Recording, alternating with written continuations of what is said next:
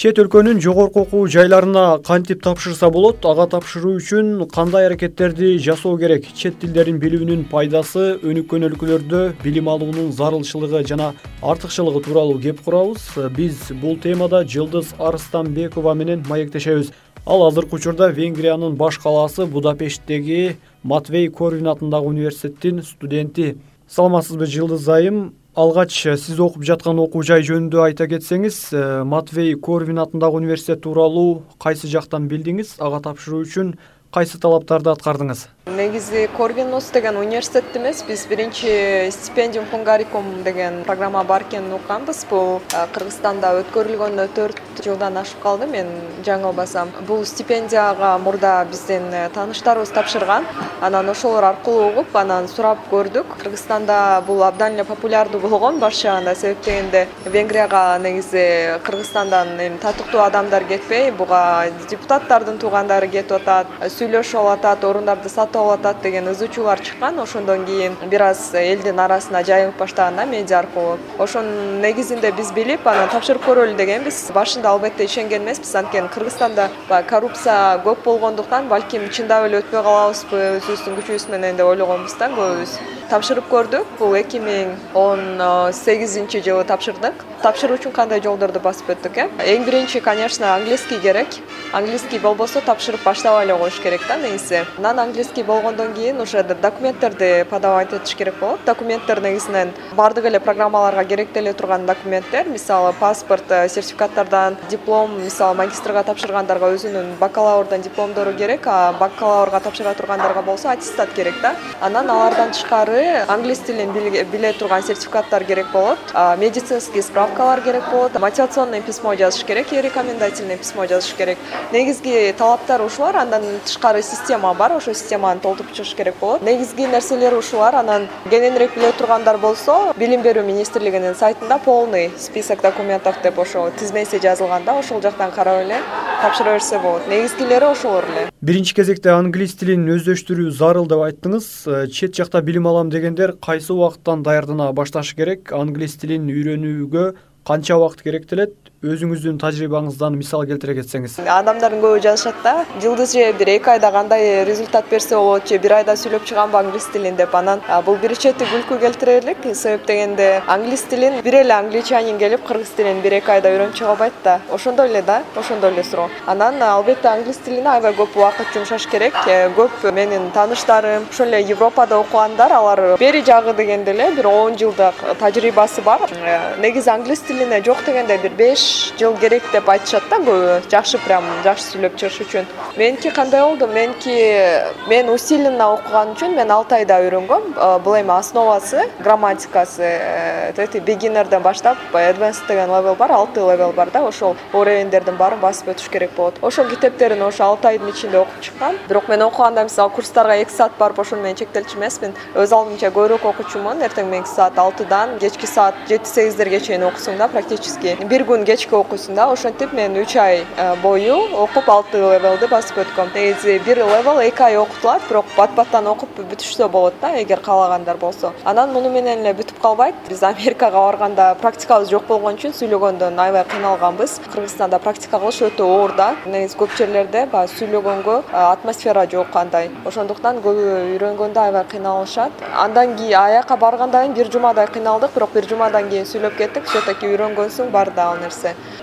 анан андан кийин уже спикингге көбүрөөк маани бере баштадык. Бизде билим берүү системасында английский дегенде грамматиканы эле окутат э, тилекке каршы баягы сүйлөө угуп түшүнүү жөндөмдүүлүгү жазуу окуу деген нерселер калып калат да. Эми жазуу менен окуу бар негизи бирок в основном listening speaking деген нерселер жок да.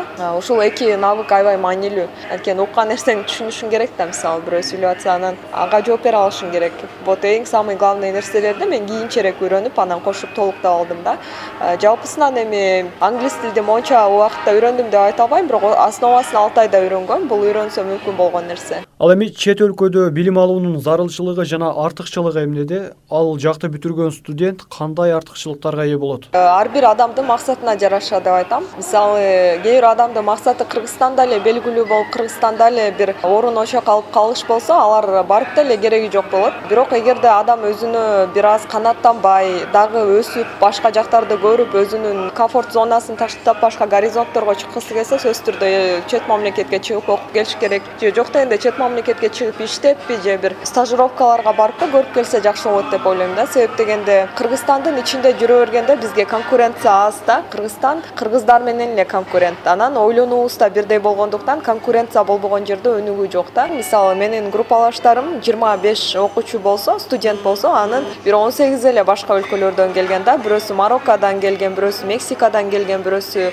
украинадан келген бирөөсү россиядан анан мен окшоп центральный азиядан барган окуучулар бар. Демек бул международный конкуренцияга чыктың дегенди билдирет. Анан ар бир сабакка өтүп атканда алардын ойлонгондору башкача да. Мисалы э, бир э, проблема болсо ошого берген э, solution деп коет. Жооптору башкача кеңештери башкача. Ошондуктан бул жактан аябай чоң айырма көрсө болот да. Именно кыргызстанда конкуренциядан чыгып тигил жактагы дүйнөлүк эл аралык деңгээлдеги конкуренцияга чыгасың. Бул сени кадимкидей өнүктүрөт себеп дегенде ал жакта жеке эле сен эмессиң. Сенден башка да эң мыкты мыкты өлкөлөрдөн келген студенттер окушат да. Бул эң биринчи адамдык инсандык интеллектуалдык жактан өнүгүүнүн биринчи баскычтары да. Ал жака албетте көп адамдардан сурасаңар окуганы барышпайт. Анткени окуу окуу эле. Кыргызстандан деле окуп алсаңар болот ошол китептердичи мисалы ал жака адамдар көбүнчөсү культура көргөнү барышат маданият тааныганы барышат өзүнүн мамлекети канчалык деңгээлде дүйнөлүк деңгээлде кайсы орунда турат өзүнүн мамлекети ошону тааныганы өзү кайсыл жакта турат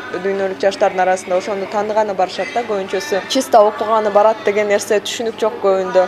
Европаны көрүп келгени барышат. Өнүгүп келе жаткан өлкөлөрдүн жаштарынын жакшы жактары биз аябай умтулган жаштар экенбиз да. Анткени европадагы жаштар алар умтула турган нерсе жок и так эле өнүккөн да. Бизде мисалы бизден өйдө бизден өнүккөн өлкө болгондуктан бизде умтулууну э, сезсек болот э, тигилерде андай нерсе жок да. Бизде аябай алдыга умтулайын европага барайын америкага барайын деген умтулуулар бар бизде. Ал жактын окуучуларында көп андай нерсе жок да. Демек муну да өзүңөрдөн байкайсыңар. Дагы кандай биздин алдыга жактарыбыз бар кандай мындай минус жактарыбыз бар ошол нерсенин баарын анализдеп келгенге бир платформа да бул. Бул экинчиси бул культураны таануу албетте анан үчүнчүсү бул э, менин жеке өзүмдүн тажрыйбамдан айта турган болсом мен негизи англис тилинде окуткан эле университетке барыш керек болчу башында. Анткени англис тилимде практика аз э, кыргызстандан практика кылышым өтө кыйын болду.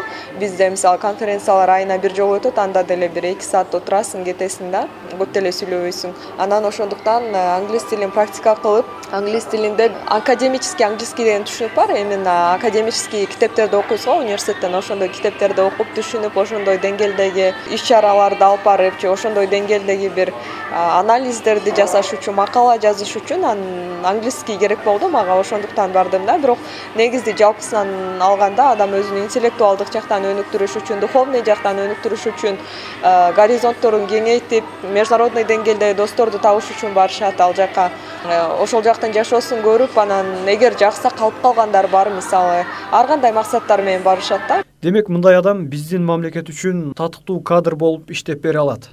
Албетте негизи кандай гана кадр болбосун ал өнүгүүнү каалаган кадр болсо биздин мамлекетке аябай маанилүү. Ал кыргызстандан бүтөбү чет мамлекеттен бүтөбү көп деле айырмасы жок. Главный өзүнүн аябай адилеттүү кадр болсо э мисалы мамлекеттик деңгээлде бул өтө маанилүү. Канчалык деңгээлде өзүнүн жоопкерчилигин билет канчалык деңгээлде ошол өзү иштеп аткан тармакты алдыга сүйрөп кете алат ошол аябай маанилүү да. Чет мамлекетте окуганы да албетте маанилүү анткени международный конкуренцияга туш болгон адам сөзсүз түрдө алдыга кетет өнүгөт. Баардык тарабынан ой жүгүртүү тарабынан дагы жакшы анализ жасай алат. Анткени салыштыра турган башка нерселери бар да. Э, эгерде бир адамдын кичинекей баланын бир эле оюнчугу болсо ошону жакшы көрүп жүрө берет. Пока кошунасынын баласында андан чоңураак машина болгонун көрмөйүнчөчү өлкөдө калган кадрлардын көбү ошондой да. Пока биз колубуздагы нерсеге сыймыктанып э, биздин кыргызстан бар эле биздин мунубуз бар эле тигинибиз бар эле деп бир патриоттук деңгээлде жүрө беребиз. Бул жакшы нерсе бирок пока мындай чыгып көрсө бул жакта мындай турбайбы бул жактын жашоосу мындай турбайбы деп башкаларды көрмөйүнчө биз жана кичинекей машина менен ойногон биринчи баланын образында эле калып калабыз. Анан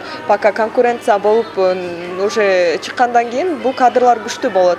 Переговорлор международный ошол нерселерди өтө күчтүү алып барышат. Эми прям баары деп айтпайм бул эми адамдын өзүнүн э, ички жан дүйнөсү дагы интеллектуалдык духовный жактан өнүккөнү да маанилүү. Мисалы ошол эле учурда европага барып э, эч кандай эч нерсе албай эле жөнүнө окуп эле келгендер бар. Бул нерселер мен үчүн абдан кызык. Анткени эми европага негизи окуу үчүн эле барсаң бул утулганың да сенин. Только окуп эле келем десең ал жактан жер көрүш керек эл көрүш керек адамдар менен жашап аралашып көрүш керек. Ошентип өзүңдү өнүктүрүп келиш керек да бир э, жакшы идеялар менен келиш керек. Анан э, негизи биздин жоготуп аткан нерсебиз бул кадрлар. Сиз туура айтып атасыз чет мамлекеттен мындай окуп келген кадрлар канчалык маанилүү анткени булар аябай эле маанилүү. Анткени биздин эң умный балдарыбыз кетет да мисалы сколаршип программалар менен жөн эле ала бербейт эң каймактарын алат эң башы иштегендерин эң буга чейин активный болуп бир результатка жеткендерин алгандыктан ошол нерсе ошол адамдар барып европада калып калуу мүмкүнчүлүгү өтө жогору. И европада эле эмес америкада көп эле калып калган да бизде. Эми ал кадрлар кыргызстанга келбей ошол жактан иштеп энергиясын жаштыгын идеяларын ошол мамлекеттин э, өнүгүүсү үчүн кошуп атышат да. Мындайча айтканда демек бизге ошол кадрларды алып келүү аябай маанилүү негизичи мамлекеттик деңгээлдеги карала турган иш чара да бул мамлекетте мындай күчтүү кадрлар калбай калганда ал мамлекетти жана афоризмде айтылгандай ал мамлекетти жалаң мисалы политиктердин баары бизнесмендер болушат мындай соода тармагында жүргөндөр ошол орунга недостойный кандидаттар именно ошол жакта бекграунду жок ал нерсени түшүнбөгөн эле кадрлар случайно ошондой ар кандай жолдор менен келип калышат да бизде негизи окуучулардын көпчүлүгү айыл жергелеринде турушат чынында аймактарда маалымдуулук начар. Ар тараптан билимдерин өркүндөтүү чет жактан билим алуу боюнча маалыматтар жетишсиз.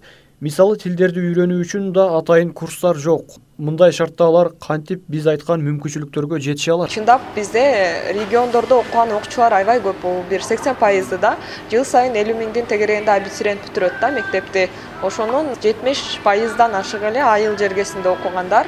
Аларга маалымат аябай аз жетет. Алардын э, бара турган онлайн ой оффлайн курстары дагы жок барып окуйн десе. Ошондуктан биз жылдыз академия деп академия ачканбыз. Э, жаштарга мүмкүнчүлүк да. Анткени мен өзүм азыр э, мындай башка сферада деле иштеп кете алам журналистикада иштеп кете алам бирок мага күнүнө бир беш жүздөн ашык сообщение келип түшөт. Жылдызчы английскийди үйрөнөйүн деп атам сизге окшоп окугум келет чет өлкөдө. Бияка барсам эмне болот? Кайсы кесипти тандайын? Ата энем кесип тандоого каршы болуп атат? Депчи ушул сыяктуу аябай. Же болбосо кантип өнүгүш керек кантип адам өзүн өнүктүрүш керек? Чет мамлекетке кантип чыкса болот түрдүү түрдүү суроолор келет анан ошолорду көрүп алып а значит биз буларды эгерде билсе мага жардам сурап антип кайрылбайт деле болчу да эмне кереги бар э? Мисалы мага жазып убактыларын коротуп деп ойлонуп анан ойлойм сөзсүз түрдө биз жардам беришибиз керек. Пока билген нерселер ал менин өзүм башыман өтүп ошо процесстен өткөн нерселер да.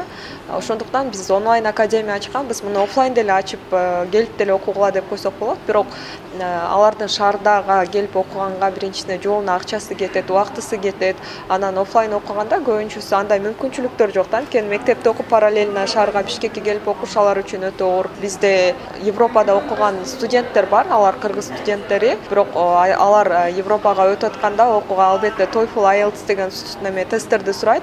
Ал тесттерден эң жогорку балл алгандар өтөт да көбүнчөсү ошолордун негизинде биз атайын академияда англис тили окутуу курстарын түзгөнбүз. Ошол э, мугалимдер европада туруп эле кыргыз окуучуларына айылдагы тем более региондогу окуучуларга сабак беришет. Бул өтө сонун анткени алар жеке эле англис тилин үйрөтпөй кантип окууга өткөн кантип окуп атышат европада эмне жаңылыктар бар ошол нерсенин баарын айтып турушат да булар кошумча мотивация берет. Мындайча айтканда көп бирөө азыр эми интернет болгон үчүн азыр мааниси жок да кайдан алып атасың? Биз деле мисалы пандемия учурунда гарварддын ошол эле колубуз жетпей аткан оксфорддун онлайн курстарын алып сертификаттарды алып койдук да демек бул өтө сонун мүмкүнчүлүк.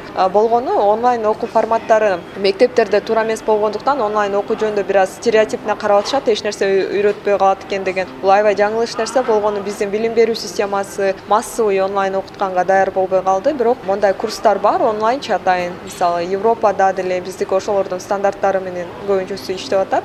Анан ошондой курстар бар. Адам үйдө отуруп эле аябай көп нерсе көп убактысын коротпой эле үйдө отуруп аябай көп нерсе окуп чыкса болот да окуп үйрөнүп чыкса болот. Жаштар үчүн жалпы эле билим алуунун мааниси тууралуу айтсаңыз анткени көпчүлүк учурда үй бүлөлөрдө балдарынын чет өлкөдө окуусуна каршы болуп чектей берет айрыкча кыз балдардын окуусуна тийиштүү. Бул багытта ата энелер эмнелерди эске алуусу зарыл ата эне эң биринчиден балдарына кыз болобу бала болобу бактылуулук каалайт жакшылык каалайт да. Бизде бул аябай чоң дилемма анткени бактылуулук эмнеден келип чыгат ошол нерсени жакшылап ойлонбойт. Бизде бактылуулуктун формуласы бул үй бүлө бала чакалуу болуу ушуну менен эле чектелип калган да.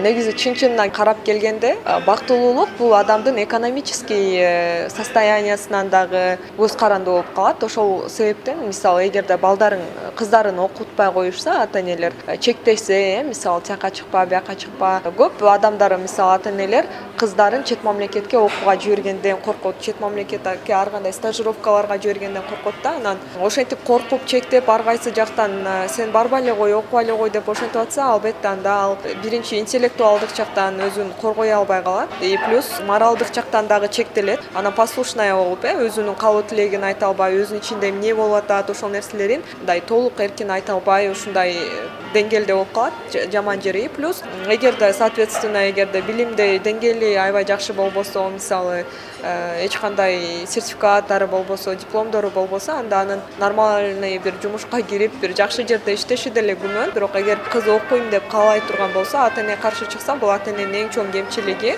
Э, бирок мындайлар бизде прямо аябай көппү азбы муну дагы анализдеш керек. Именно кайсыл жакта ооба маалымат аз жактарда болот да анткени ата энелер бизде өзүн өнүктүрбөйт да өзүн өнүктүрбөйт. Азыр алар мисалы башка европа мамлекеттерине же америка же бир жака чыгып келип ошол нерселерди көрүп келсе анан а кызым окуш керек турбайбы бул.